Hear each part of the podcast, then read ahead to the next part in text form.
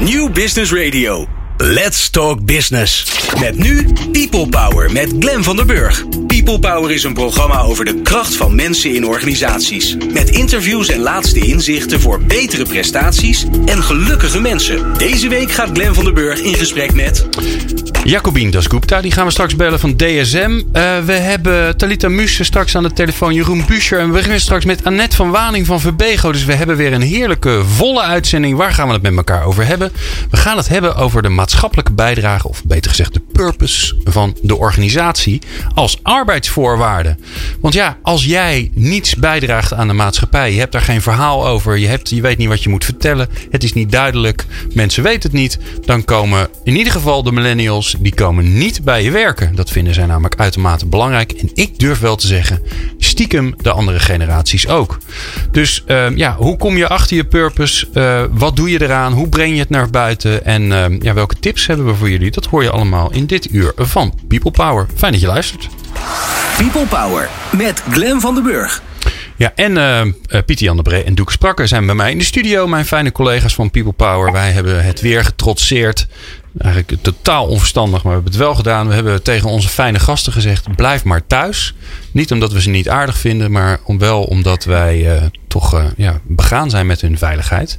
Vandaar dat een van onze vaste gasten, Annette van Waning, dit keer eens een keer aan de telefoon aanwezig is. Hoi Annette. Ja, hoi, goedemiddag. Goedemiddag. Hoe wit is het bij jou? Het is hier heel wit. En als ik naar buiten kijk, zie ik uh, een prachtige landschappen met schaapjes. Uh, het is leuk om een keer zo te zien, maar uh, volgende keer ben ik gewoon weer graag in de studio. Ja, nou, je bent altijd welkom hier, dat weet je.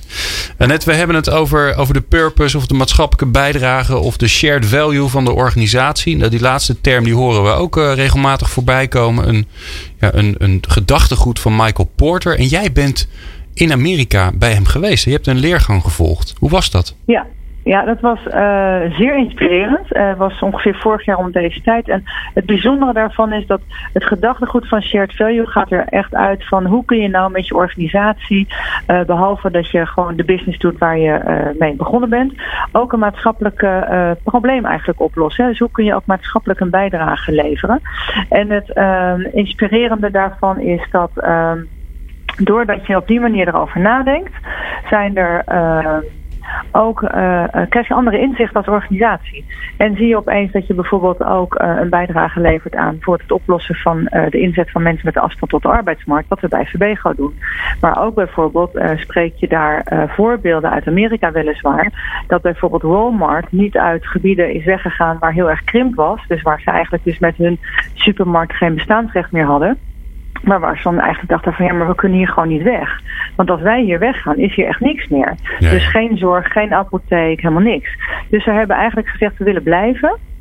Maar hoe zorgen we er dan voor dat we toch een maatschappelijke rol ook gaan vervullen? Dus we hebben eigenlijk die, die in bepaalde gebieden die supermarkten omgevormd tot een soort van ja, wordt gemeenschapsontmoetingsplekken. Waar je dus behalve boodschappen doen ook zorg vindt en ook allerlei andere activiteiten kan doen. Uh, en, en dat is een heel mooi voorbeeld van shared value, hè, van gedeelde waarde. Um, nou, in, in Amerika zijn er wel meer voorbeelden van. In uh, nou, Europa en Nederland iets minder. Maar uh, ze zijn er wel. Uh, en het bijzondere is dat ze vaak niet als zodanig worden omschreven, maar als je doorvraagt, ze er wel zijn.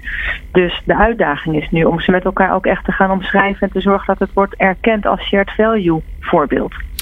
Hoor ik jij nou ook zeggen, ja, door aan de slag te gaan met shared value, ga je ook kijken naar de dingen die je al doet. En zie je ineens niet alleen maar de business kant, maar zie je ook die maatschappelijke kant, die er eigenlijk altijd is geweest. Maar nu zie je hem en daardoor ga je misschien wel hè, versterken? Ga je wel meer erop inzetten, omdat die, ja, die maatschappelijke kant er ook aan zit? Uh, ja, nee, dat is absoluut het geval. Hè. Uh, en wat je, wat je ziet, hè, is dat uh, wat je aangeeft van bedrijven doen al dingen en door op een andere manier naar te kijken, heb je daadwerkelijk ook die maatschappelijke bijdrage. Bij sommige bedrijven zit dat er gewoon in, hè, zit in het DNA dat je ook maatschappelijk iets wil doen. Dat zie je veel bij familiebedrijven ontstaan. Dus zo ook bij VBGO, wat wij al langer doen. Maar je hebt ook bedrijven die het gewoon doen en daar pas daarna achter komen van hé, hey, we hebben dus ook een maatschappelijke bijdrage. Dus het kan twee kanten op. Ja, en, ik, en uh, in het licht van, uh, van het belang wat uh, veel mensen eraan hechten, hè, waar ze, in hun keuze, waar ze, waar ze willen gaan werken. Mm -hmm. Ik denk dat zou voor mij dan de eerste stap zijn. Om dat te zeggen, ja, je kunt natuurlijk enorm op zoek gaan naar je why of je purpose en iets groots en meeslepend bedenken. Ik zou dan zeggen, ga eerst eens kijken wat überhaupt je maatschappelijke impact is en hoe je dat zou kunnen vertellen aan de buitenwereld. Want ja, uiteindelijk heb je ja. dat altijd. Dat, dat klinkt in, de, in het huidige gedachtegoed en gedachtenwereld waar we nu in leven, is dat klinkt dat heel logisch voor uh, mensen die er veel mee bezig zijn, zoals jij en ik en gelukkig nog heel veel meer mensen. Maar als je uh, puur vanuit economische achtergronden bent opgeleid en bent groot geworden in het bedrijfsleven, is dat soms heel lastig om die klik te maken. Hm. Um, dus mensen kunnen het absoluut en dat gebeurt ook, maar dat is lastig. En wat je nu ziet is dat als je kijkt naar opeenvolgende generaties, is het wel zo dat de generatie die zeg maar nu op de arbeidsmarkt komt, dus waar Talita straks ook uh, over gaat praten dat die generatie misschien eerder kijkt van hé, hey, wat is eigenlijk de maatschappelijke activiteit van dit bedrijf en hoe wat doen ze eigenlijk nog meer voor de maatschappij dan alleen maar een bepaald type activiteit zoals bijvoorbeeld uh, schoonmaken of uh, bijvoorbeeld een ziekenhuis mensen beter maken. Ja. Dus daar zie je wel een verschuiving in de, in de, in de why uh, waarom jonge mensen vooral bij bepaalde bedrijven wel of niet willen werken. En, en merk jij nou zelf hè, vanuit Verbego dat het feit dat jullie uh, bekend staan als een, als een bedrijf wat, ja, wat een belangrijke maatschappelijke bijdrage levert, merk je dan dat dat helpt om goede, leuke jonge mensen binnen te halen? Nou, wat je ziet is dat wij zijn dit jaar gestart met een, uh, een nieuw programma binnen Verbeg. Wat echt gaat over een veranderingsplatform, of een veranderplatform eigenlijk. En er zitten drie niveaus uh, in een soort opleiding. En het, uh, het, het instapniveau, hè, dat zijn onze explorers. En dat zijn acht jonge mensen die afkomstig zijn van het HBO of de universiteit. Hebben nou, maximaal twee jaar werkervaring. En zij zijn dus echt bij Verbego binnengekomen als nou ja, nieuwe, ja, nieuwe jonge honden, zeg maar. Een soort trainees maar, noemden we dat vroeger. Een traineeship, ja, traineeship noemden we dat. Maar je ziet dus in de selectie van die medewerkers, maar ook in de gesprekken die we met hen hebben gehad, dat zij allemaal zeggen, ja, maar ik wil graag bij jullie werken omdat jullie meer dan alleen maar geld verdienen wat belangrijk is. En zij kiezen daar echt overtuigd voor. En zij geven ook aan dat ze uh, daarom specifiek voor uh, bij Verbego willen werken. Dat ze daarom misschien minder geïnteresseerd zijn in andere branches te werken. Waarbij um, nou ja, hè, de dingen die wij doen, hè, schoonmaak, groenvoorziening, misschien niet als eerste het meest sexy zijn.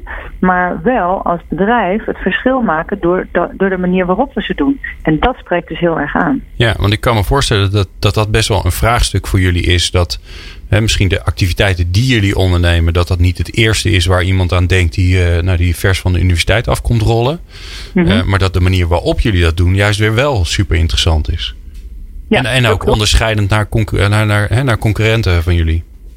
Ja, nee, het feit is inderdaad dat we, dat we dingen anders doen. Uh, dat jonge mensen ook op een andere manier uh, kunnen en mogen leren. Want deze explorers die gaan uh, gedurende twee à drie jaar een aantal opdrachten doen. Echt rechtstreeks in onze bedrijven.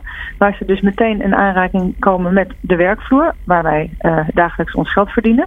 Maar ook gewoon met het hogere gedachtegoed van Verbego. En de manier waarop we maatschappelijk het verschil willen maken. Doordat er tussen de opleidingsniveaus die er erin zitten. Dus uh, dat zijn de jonge honden in de Explorers. Dat zijn uh, uh, collega's uh, middenkader.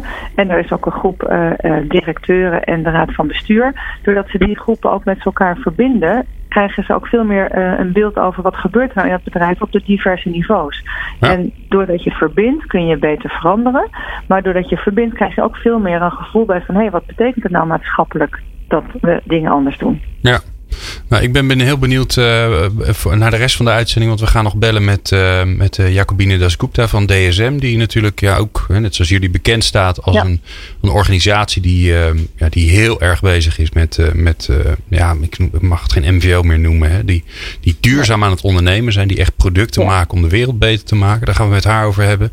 En aan het einde krijgen we nog een tips van Talita Muse. Die zelf ja, uit de generatie komt en daar uh, ook uitgebreid onderzoek naar heeft gedaan wat, uh, wat haar generatie, de generatie I of de millennials, wat die nou belangrijk vinden.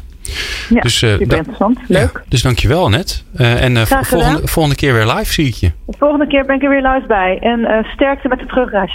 ja, dankjewel. dankjewel. Geniet van de sneeuw. Bye bye. dankjewel. Hoi. We bellen zo met uh, Jacobine Dasgupta. Zij is uh, directeur Brighter Living Solutions bij DSM. Nou, wat het is, dat hoor je straks. Maar um, ze gaat in ieder geval praten over een uh, fabriek die zij in Rwanda hebben geopend om um, ja, Africa Improved Food, zo heet dat. Want daar maken ze voeding om, om daar de ondervoeding tegen te gaan. En dat hoor je straks. People Power. Inspirerende gesprekken over de kracht van mensen in organisaties. Met Glen van der Burg. En uh, Pieter Jan de Bree en uh, Doekes Prakker, mijn fijne collega's in de studio. En uh, ja, we, we zijn bezig met het onderwerp purpose als arbeidsvoorwaarden. Hoe belangrijk vinden mensen het nou dat een organisatie een maatschappelijke bijdrage levert? Nou, een van de voorbeelden, misschien wel het voorbeeld uh, van een bedrijf dat uh, inzet op het oplossen van maatschappelijke vraagstukken als business case is DSM. En wij zijn dus ook heel blij dat we Jacobine Dasgupta aan de telefoon hebben. Zij is directeur van de Brighter Living Solutions bij DSM. Welkom Jacobine. Dankjewel Glenn. Nou, gelijk maar de eerste vraag. Brighter Living Solutions, wat is dat? Wat is dat? Een goede vraag. Uh, bij DSM hebben we ons tot doel gesteld om zorg te dragen voor zowel de natuur als de mens. En dat ook te laten doorklinken in producten die we ontwikkelen. Dus we hebben een toetssysteem opgezet waarbij we nadrukkelijk kijken wat is de impact daarvan op gezondheid, welzijn van mensen en ook op de natuur. Denk aan broeikasgaseffecten of grondstoffen. Oké. En, en... en dat betekent dat we dat dus toepassen als we een nieuw product willen ontwikkelen. En kijken hoe ziet dat er dan uit? Kunnen we daarmee de broeikasgassen verminderen? Kunnen we daarmee uh, de gezondheid verbeteren? En het is nu een richtsnoer voor, uh, voor onze nieuwe producten. Ja, klinkt eigenlijk als een soort intern keurmerk. Ja, inderdaad. Zo kan je, zou je kunnen zeggen, ja. Stel je nou voor dat, het, uh, dat, een, een, dat iemand heeft een nieuw product bedacht. En die, en die komt bij jou langs. En die zegt, nou, ik wil wel langs de meetlat. En vervolgens zeg je, ja, sorry, maar je, je levert geen positieve bijdrage aan mens of natuur. Wat, wat gebeurt er dan?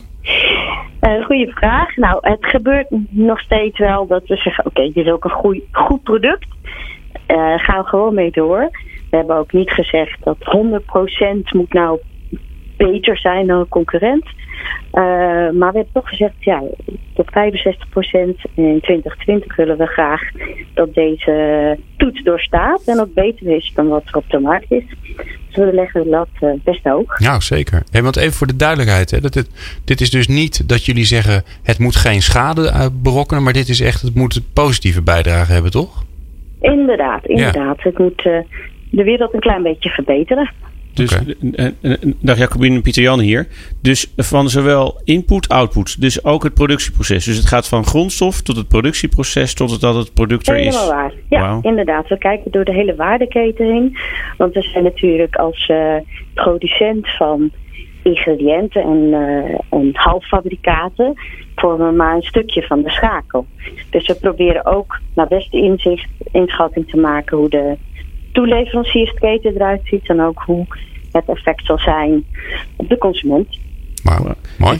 En je zegt 65%. Is dat, wat, wat, is de, wat is de ondergrens?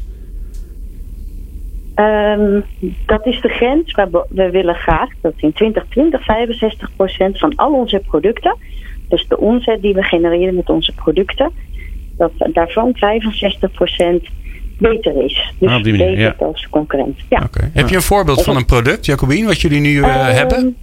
Ja, bijvoorbeeld uh, Urelak Ultra. Dat is een nieuwe poedercoating. Die een aanzienlijk lagere broeikasgas effect hebben in de waardeketen. Omdat je bijvoorbeeld geen oplosmiddelen nodig hebt. En je kan heel zuinig zijn in het gebruik. De poeder die eraf valt kan je opnieuw gebruiken.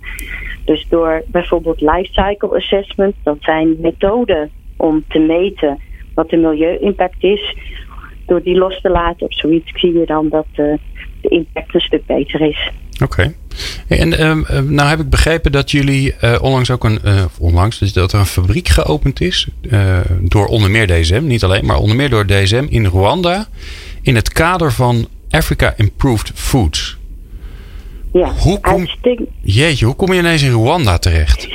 Uh, ja, hele goede vraag ook alweer. Um, nou, we zijn sowieso natuurlijk als bedrijf bezig over de hele wereld. Uh, we waren al nadrukkelijk aan het kijken wat kunnen we op het Afrikaanse continent toevoegen. En een land als Rwanda, daar is al bijna 40% van de kinderen ondervoed. Dat noemen ze stunting. Uh, dus een achterblijven van fysieke en mentale groei. Dat bepaalt dat ze uiteindelijk niet zo lang worden, maar ook zeker niet hun, ja, al hun capaciteiten kunnen ontwikkelen. Mhm. En dat komt met name door gebrek vitamine en mineralen. Nou, laten wij daar nou net goed in zijn als DSM, verstand van hebben en ook weten hoe je dat in, in uh, voeding verwerkt.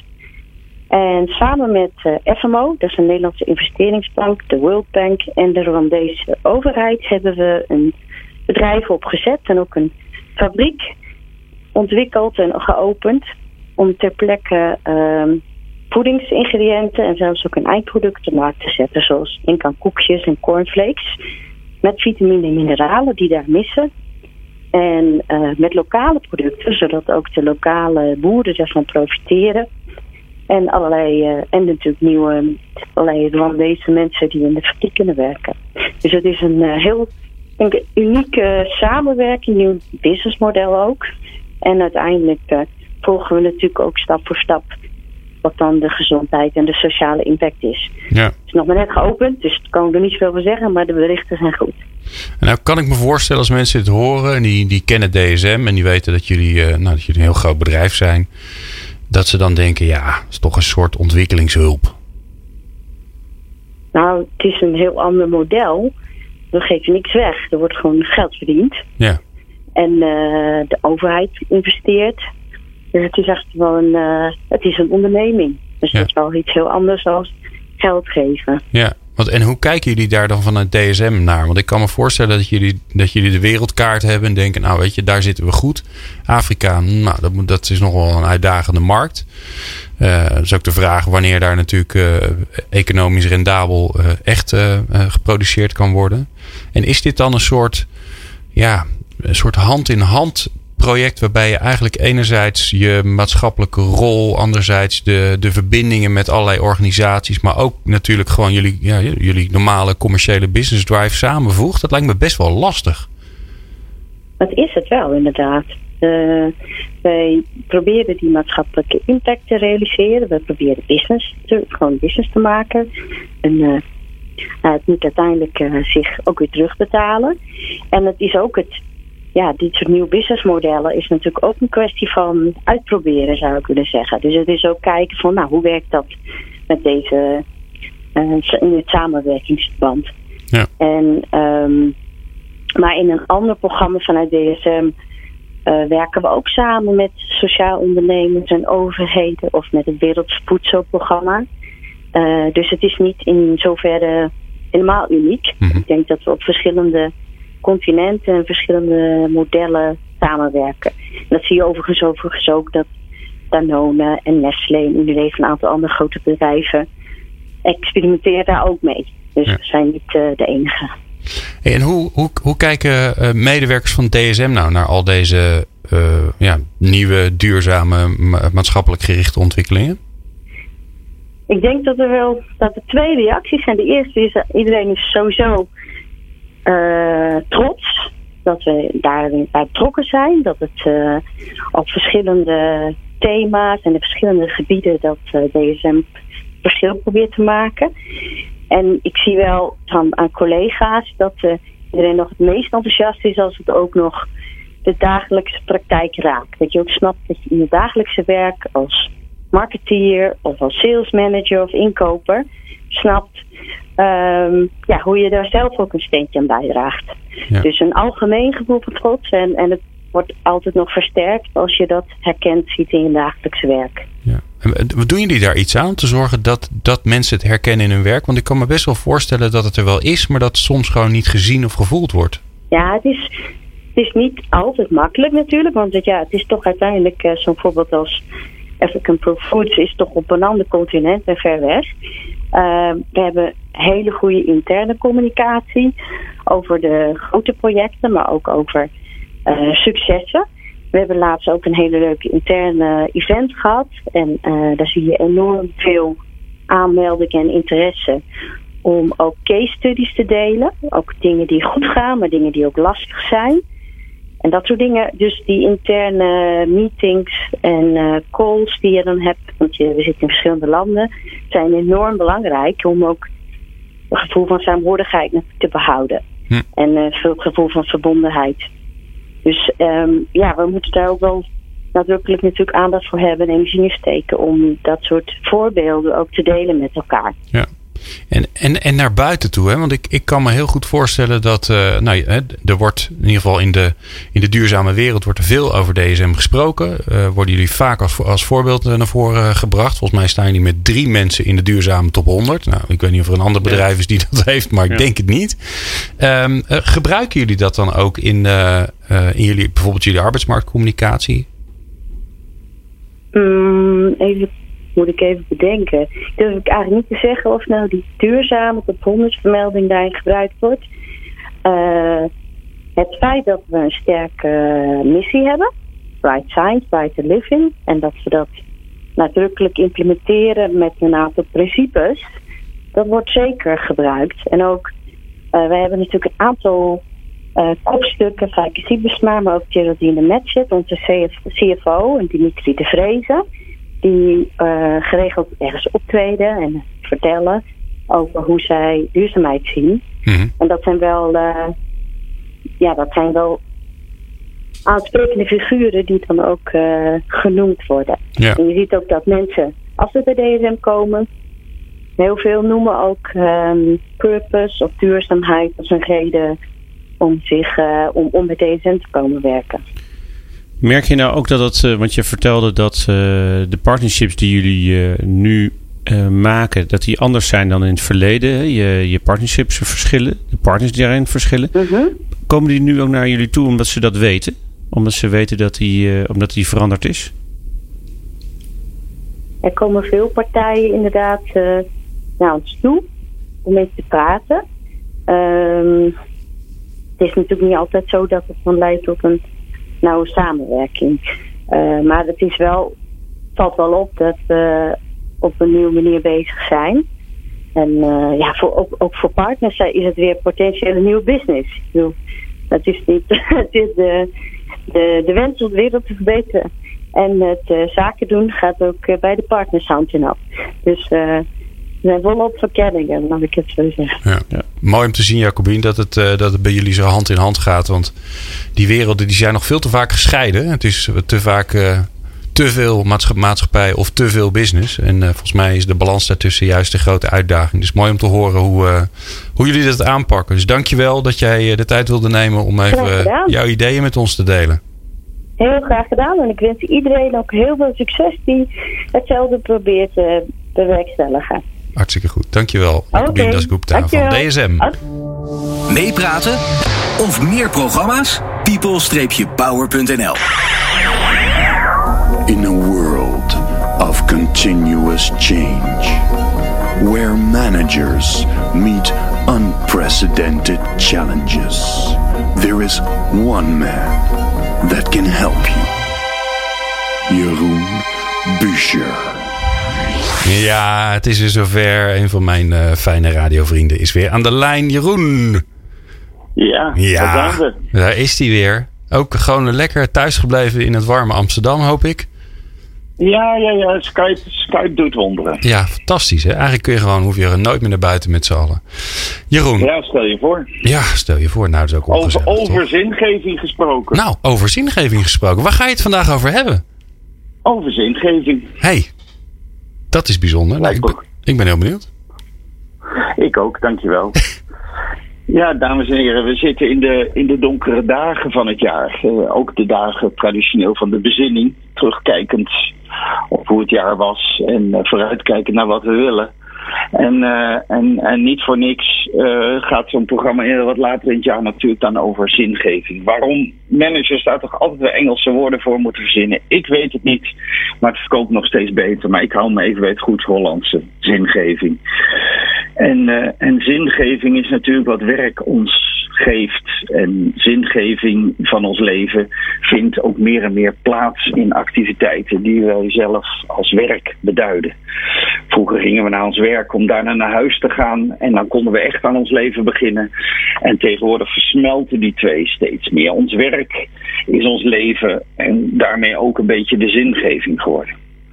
Ik denk dat we dat dat mooi is. Ik denk ook dat, dat, dat je moet leven zonder uitstellen. Dus ook niet acht uur lang het leven uitstellen om vervolgens aan het leven te kunnen beginnen. Ook niet je leven tot je 65ste uitstellen om daarna pas te kunnen beginnen. En dat, dat ons leven ons werk is en ons werk ons leven, daar zie ik niet zoveel kwaad in. Uh, natuurlijk uh, wordt soms het leven te veel uh, werk in de zin dat het te veel privé wordt. En dan is er geen moment meer voor rust en bezinning. En ook dat heeft ons lichaam en onze geest nodig. Dus de vrijheid die we steeds meer ervaren als professional om vorm te geven aan dat wat wij doen, dat we niet meer de baas hebben die ons zegt wat we moeten doen, maar dat we zelf mogen nadenken over hoe we iets het beste kunnen aanpakken, dat draagt bij aan zingeving. Maar tegelijkertijd is die agilisering van deze wereld en zelfs de mode van het woord purpose heeft ook duidelijk een zwarte kant. En daar wil ik in die bezinning hier in de donkere dagen toch ook even naar kijken. Wij mensen zijn geen solitair dier. Wij zijn een, een, dier dat in groepen leeft. En dat hebben we altijd gedaan. En we zijn hier in het rijke Westen op een punt beland dat we in de meest bizar kleine gemeenschap leven. Traditioneel leven mensen nu in, laten we even heel, heel seksistisch zeggen, man, vrouw en twee kinderen. Mag ook man-man zijn. En maar 40% in Amsterdam is het zelfs al man of vrouw, want 40% van de Amsterdammers woont al alleen. Historisch gezien is dat eigenlijk een heel onnatuurlijke situatie. Wij, voeden onze kinderen op in gemeenschappen die historisch gezien nog nooit zo klein zijn geweest. Vergeet niet dat 100 jaar geleden, 150 jaar geleden, gewoon mensen leefden in gemeenschappen van, van 30 tot 50 mensen. Ja, op een hoeve, op een, op een binnenplaats. Uh, kinderen werden opgevoed door ja mama, ja papa, maar ook door broertjes, door zusjes, door oma's, door buren, door tanten, door nichten, door buurtbewoners. Wij zijn uh, als diersoort eigenlijk gewend om in grote gemeenschappen met elkaar samen te leven. En door de individualisering zijn we steeds kleinere en misschien ook heel stiekem wel wat eenzamere gezinnetjes gekomen. En, en wegen we de relatie tot oma op zijn merites. Is oma wel leuk, dan gaan we er naartoe. Is er niet leuk, dan moeten we er naartoe. Maar de waardering dat iemand gewoon de gemeenschap is waar we toe behoren, die is steeds lager en lager dan ooit volgens mij.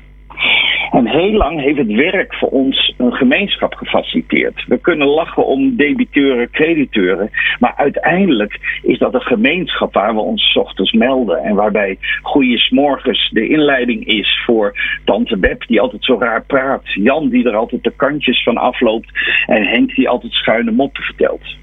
We kunnen afgeven op de goede oude afdeling, waar de, waar de baas nog als een kloek op neerzat. Maar de goede oude afdeling was tegelijk een gemeenschap waar we ons thuis konden voelen. En nog steeds niet voor niks. Werkeloosheid is niet een terugval in inkomen, dat is het ook. Maar mensen die je vraagt, die werkloos zijn geworden, wat het meest pijn doet, is de zinloosheid en het niet meer ergens bij horen. En we kunnen het Walhalla en het Johoe zingen van de agilisering en de flexibilisering van deze wereld. Maar we geven daarbij ook de laatste gemeenschap op die we nog hadden. Die van ons werk, onze afdeling. Want vergeet niet, een team is een groepje mensen met een doel. En een gemeenschap is een groepje mensen die met elkaar verbonden zijn, ondanks wie ze zijn, maar gewoon omdat ze erbij horen. Laten we niet te ver doorschieten. Laten we beseffen dat we een mens zijn, een dier zijn wat in gemeenschappen wil wonen. En laten we met elkaar, als het licht weer feller wordt, gaan zoeken hoe kunnen we die nieuwe gemeenschappen bouwen met elkaar. Die hebben we nodig om zin te voelen. Die hebben we nodig om gelukkig te zijn. Ik wens u allemaal een geweldig nieuwjaar alvast. Wauw, Jeroen. Bloody hell. Ja, mooi. Super mooi. Super mooi. Applaus. Ja, Ja, applaus. Ja, toch? zeker. Ja, heel mooi. eh. Eh, kippenvel, Jeroen. Het is weer, eh, ja, nou, het is niet weer gelukt. Het is gelukt. Het is, lukt je wel vaker, maar ik, ik weet nog dat je begin van het jaar had je een mooie eh, bespiegeling. Of voor de zomer was het volgens mij. Woe, Woe wij, die vond ik heel mooi. Maar deze, die, eh, die komt wel even binnen. Super. Ja, ik heb misschien ook een term daarvoor. Misschien moeten we het het nieuwe nieuwe werken noemen. Het samenwerken, toch? Het samen. nieuwe, nieuwe- Gewoon samen. Of Jeroen, misschien wel het zijn. Mag ik jou eh, bijzonder bedanken eh, voor het eh, zijn van mijn werkfamilie. Samen met, hier, ik heb hier nog twee fijne collega's in de studio staan. Dus ik heb het afgelopen jaar enorm hard gewerkt aan mijn, aan mijn, wer- aan mijn, werk, aan mijn werkfamilie. zijn. Aan je zijn. Aan mijn, het, zijn van mijn, het zijn binnen mijn werkfamilie. En ik vind het prachtig om met je samen te werken. Dankjewel Jeroen. En volgend jaar, lieve luisteraar, is hij er gewoon weer elke maand met zijn eigen programma natuurlijk. People Power Change. Maar zeker ook elke maand met zijn column. Want dit wil je toch niet missen. Dankjewel Jeroen. Geen dank. En speciaal voor jou heb ik een totaal ander plaatje opgezet dan wat ik van plan was. En ik dacht, hier moet één toepasselijk plaatje bij. Dus wij gaan jou verblijden met eh All Together Now van de Farm. People Power met Glen van den Burg. Meer luisteren? people-power.nl Dus uitsmijter van deze aflevering over purpose als arbeidsvoorwaarde bellen we met eh, Talita Muse. Talita is eerder al eh, bij ons in de uitzending geweest. Volgens mij toen waren we echt net begonnen. Dus ik denk zeker twee jaar geleden. Talita, wat fijn dat je om weer, om je weer te horen. Superleuk. Ik Leuk zie, zijn. ja, joh, ik zie superveel van je langskomen. En het leuke is dat eh, Talita ooit... Nou, niet, je bent niet echt officieel mijn stagiair geweest. Maar je hebt me wel ooit, eh, ooit geholpen in een, in een programma. Toen je nog veel Ja, jonger was dan dat je nu bent. Je bent, je bent nog steeds niet echt oud. En zoals dat een, echt een ware heer betaamt... zal ik niet vragen hoe oud je bent. Maar je bent, maar je bent Wel nog een millennial. ja, je bent een millennial en je, en je hebt ook verstand van millennials, want je bent erop afgestudeerd. Ehm, en je doet er heel veel, eh, heel veel over. Je houdt je, je houdt je eigenlijk eh, ja, dat snijvlak van, eh, van de nieuwe generatie en duurzaamheid, daar hou je je elke dag mee bezig. Nou, mensen die jou een beetje in de gaten houden, die zien je continu overal op allerlei events en congressen staan. En je hebt laatst zelfs een TEDx, een TED-talk gedaan. Klopt. Nou, jeetje zeg, dat lijkt me echt wel heel spannend. Dat is heel spannend. Dat was wel superleuk om te doen. Dat is wel een aanrader. Ja. Het maakt je verhaal wel scherp. Eh, je moet er eh, je best voor doen. Ja, nou, ik zal. ehm eh, helemaal geen oproep of zo, maar het lijkt me heel leuk om het een keer te doen. Vooruit, omdat jullie zo aandringen. Vooruit, oké, oké, oké. Want, want Ja. Talita, hoe werd je daar voorbereid? Even voor we doorgaan. Eh, sorry, wat zei je? Hoe werd je voorbereid op het doen van die TED-talk? Eh, je wordt gecoacht, dus je krijgt een coach aangewezen. Eh, en je, maakt, eh, je schrijft je hele verhaal uit. En vervolgens ga je kijken van waar heb je nog coaching in nodig. Is dat een storytelling of meer je houding, intonatie? Is een beetje afhankelijk van of je veel spreekt of weinig. En nou spreek ik wel al veel, maar bij mij was het vooral de storyline. Dus hoe vertel je nou gewoon een kort en krachtig verhaal? Ja, nou, kom maar op. Nee hoor. Ja, ja. Nee. Nee, Talita, we hebben het al een, een uitzending, over, eh, uitzending lang over, eh, nou, over eh, maatschappelijke bijdrage van een organisatie. Purpose, why, shared value. Nou, geef, geef er een naampje aan. We hebben Annette van Waning gehoord. We hebben van VBGO. We hebben uh, Jacobin Dasgupta gehoord van DSM. We hebben Jeroen Buesje met een prachtige oproep over zingeving. En vooral dat je dingen samen moet doen gehoord. Nu is het tijd voor mensen die aan het luisteren zijn. Die denken, ja, ik vind het allemaal prachtig. Maar wat moet ik nou doen? Ik wil die jonge generatie mijn organisatie binnenkrijgen. Ik heb ze hard nodig. Hoe ga ik ze nou, ja, hoe ga ik ze bereiken? Ja, nou, ik zou zeggen, het liefste werken ze natuurlijk aan een, een echte purpose. Hè? Want je ziet wel dat organisaties voor wie de purpose al heel duidelijk is, of het nou uh, Tony Stoccoloni is of uh, Van de Bron of nou, dat soort type bedrijven, dat die helemaal geen moeite hebben om uh, ja, jong talent met maatschappelijke zingeving zeg maar, echt aan zich te betrekken, aan zich te binden en te trekken. En ik denk dat ehm, het eigenlijk daar zou moeten beginnen. Maar goed, dat is natuurlijk. Maar het zou, waar zou ik moeten beginnen? Bij überhaupt de, zorgen dat je, dat je een maatschappelijke doelstelling hebt? Oh ja, ja, ja, dus dat je als bedrijf eigenlijk veel meer gaat in, in plaats van uh, alleen maar je commerciële doelen, echt uh, jezelf meer ziet als een, uh, een corporate citizen. Dus als een onderdeel van de samenleving. Dus wie ben ik in de samenleving? En ik denk dat veel jonge mensen dat veel te weinig zien van bedrijven. Van hoe verhouden zij zich nou echt tot ja, de maatschappelijke vraagstukken van deze tijd. En het liefste zou je natuurlijk als bedrijf, zou je willen van grote bedrijven dat ze zich daarmee bezighouden met die vraag. En uh, een goed antwoord daarop hebben. Is er En nou, niet alleen een antwoord eh, om te kunnen communiceren, maar dat dat hopelijk ook leidt tot daadwerkelijk een cultuurverandering intern en een andere strategie. En eh, dat ze echt een, een wat socialere onderneming worden. ja, nou zijn eh, Tony Chocolonely en Van der Bron die zijn natuurlijk opgericht vanuit een maatschappelijke doelstelling. Ja.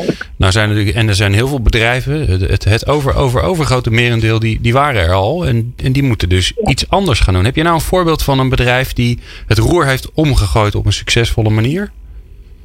Nou, ik denk dat als je kijkt naar wat eh, millennials aanspreekt, dus young professionals aanspreekt, dan zie je dat bedrijven als eh, DSM en eh Eneco wel erg in trek zijn. En ook wel Unilever, maar toch denk ik wel wat minder. En ik, ik denk dat als je bijvoorbeeld naar Eneco kijkt, wat je daarover hoort, is dat mensen zowel in de hoe, hoe zij communiceren, dus in hoe zij zich verhouden tot eh, die energietransitie, dat ze daar een koploper in willen zijn, als de verhalen die je hoort van eh, eh, hoeveel aandacht zij geven aan innovatie, hoeveel daarin geïnvesteerd wordt, dus, horizontale werkcultuur, open werkcultuur, dat dat natuurlijk wel dingen zijn die heel erg aanspreken voor jonge mensen. Oké. En ehm, Maar het is wel een combinatie dus. Het is enerzijds is het, is het eh, eh, hè, een nieuwe richting hebben, maar eh, dat ook nog op een slimme manier communiceren, maar dan ook nog de manier waarop je dan daaraan werkt. Hè, want jij noemt het Ja. een, open cultuur en veel innoveren.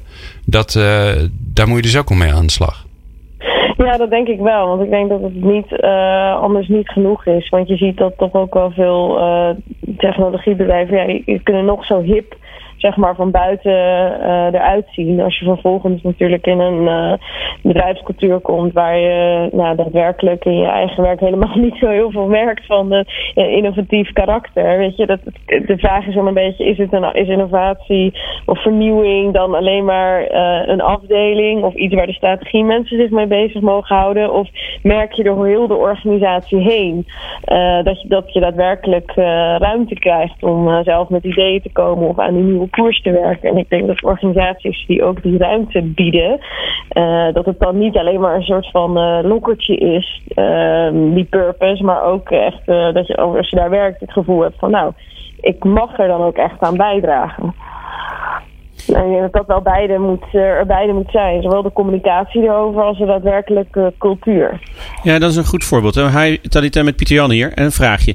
Dus eh, als jij nu jouw leeftijdsgenoten of de millennials eh, in mag schatten... en ze kunnen een keuze maken voor Facebook of Unilever... waar gaan ze werken?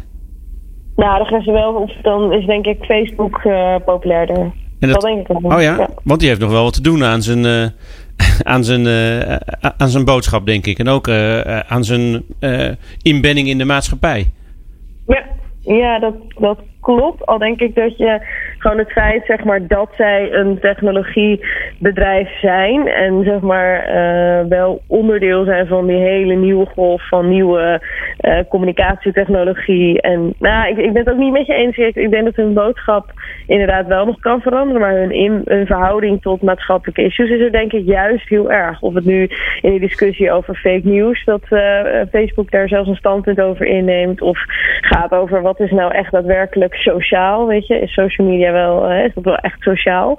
Ik denk dat het juist heel interessant is eh, voor millennials om daarover na te denken en dan bij zo'n bedrijf te werken. Dus mij zou dat eh, zeker ook aanspreken. Ja. En Talita, stel je voor, hè, ik, ik heb met mijn bedrijf, ik heb mijn, mijn purpose, die, die, heb ik, nou, die heb ik weer voor elkaar. Ik ben weer even gaan, ik ben gaan spitten in waarom ik ooit, ooit weer eens begonnen was. En ik ben erachter gekomen dat ik dat misschien een beetje kwijt ben geraakt, maar ik heb hem weer terug. Ja. Ehm, dus die is er zeker. Ik denk dat die ook heel erg leuk is. Maar eh, eh, wat moet ik dan nog meer doen om aantrekkelijk te zijn voor jonge mensen? Nou, ik denk dat als je daadwerkelijk inderdaad je purpose eh, weer te pakken hebt, dat dat echt een superkrachtig eh, marketingmiddel kan zijn. Dus dan zit het er gewoon heel veel op hoe ga je daarover communiceren. En ja, je kan daar misschien eh, iets te ver in doorschieten, zoals, zoals recent bij Rabobank. Nou. Of misschien ook niet. Ja, ik Ja, dat is wel een naar de goeie. vraag. Wat vind je Dat, eh, hè? Wat vind je daarvan? Want ik zeg Nou, wel ja, maar ja. Ja, nou, ik vind dat dus dubbel. Kijk, aan de ene kant is er, eh, ja, we kunnen aan de ene kant een beetje om lachen van, nou, is dat misschien een soort purpose washing bijna? Dat je denkt, nou, hoe, hoe, hoezeer kan de essentie van de bank nou veranderd zijn om opeens met zo'n verhaal te komen van, nou, wij lossen het grootste vraagstuk eh, bijna van dit moment op. Eh, en aan de andere kant ehm, is dit ook wel weer wat je wil. Zo'n soort van lef van bedrijven die gewoon gaan zeggen van nou, wij adopteren zo'n eh, werelddoel, of Sustainable Development Goals, of dat nou voedsel is of armoede of eh, rechten voor mensen. En we zeggen gewoon met onze impact en onze invloed mag je van ons verwachten dat we daar eh, een oplossing in zijn. Dus dat vind ik ook wel weer, weet je, misschien moeten we het ook wel een kans geven. Ja, het, het grappige is, we hebben hier de directeur van de foundation gehad. Ja, die, die, ze zijn al jaren in, ik geloof iets van meer dan twintig landen bezig ter wereld om daadwerkelijk te doen wat ze, uh, wat ze claimen in hun reclame. Alleen het, ja, het, het, komt zo groot en bombastisch over dat je, dat je denkt, ja, ergens klopt het niet of zo. Ja, volgens mij al 40 jaar.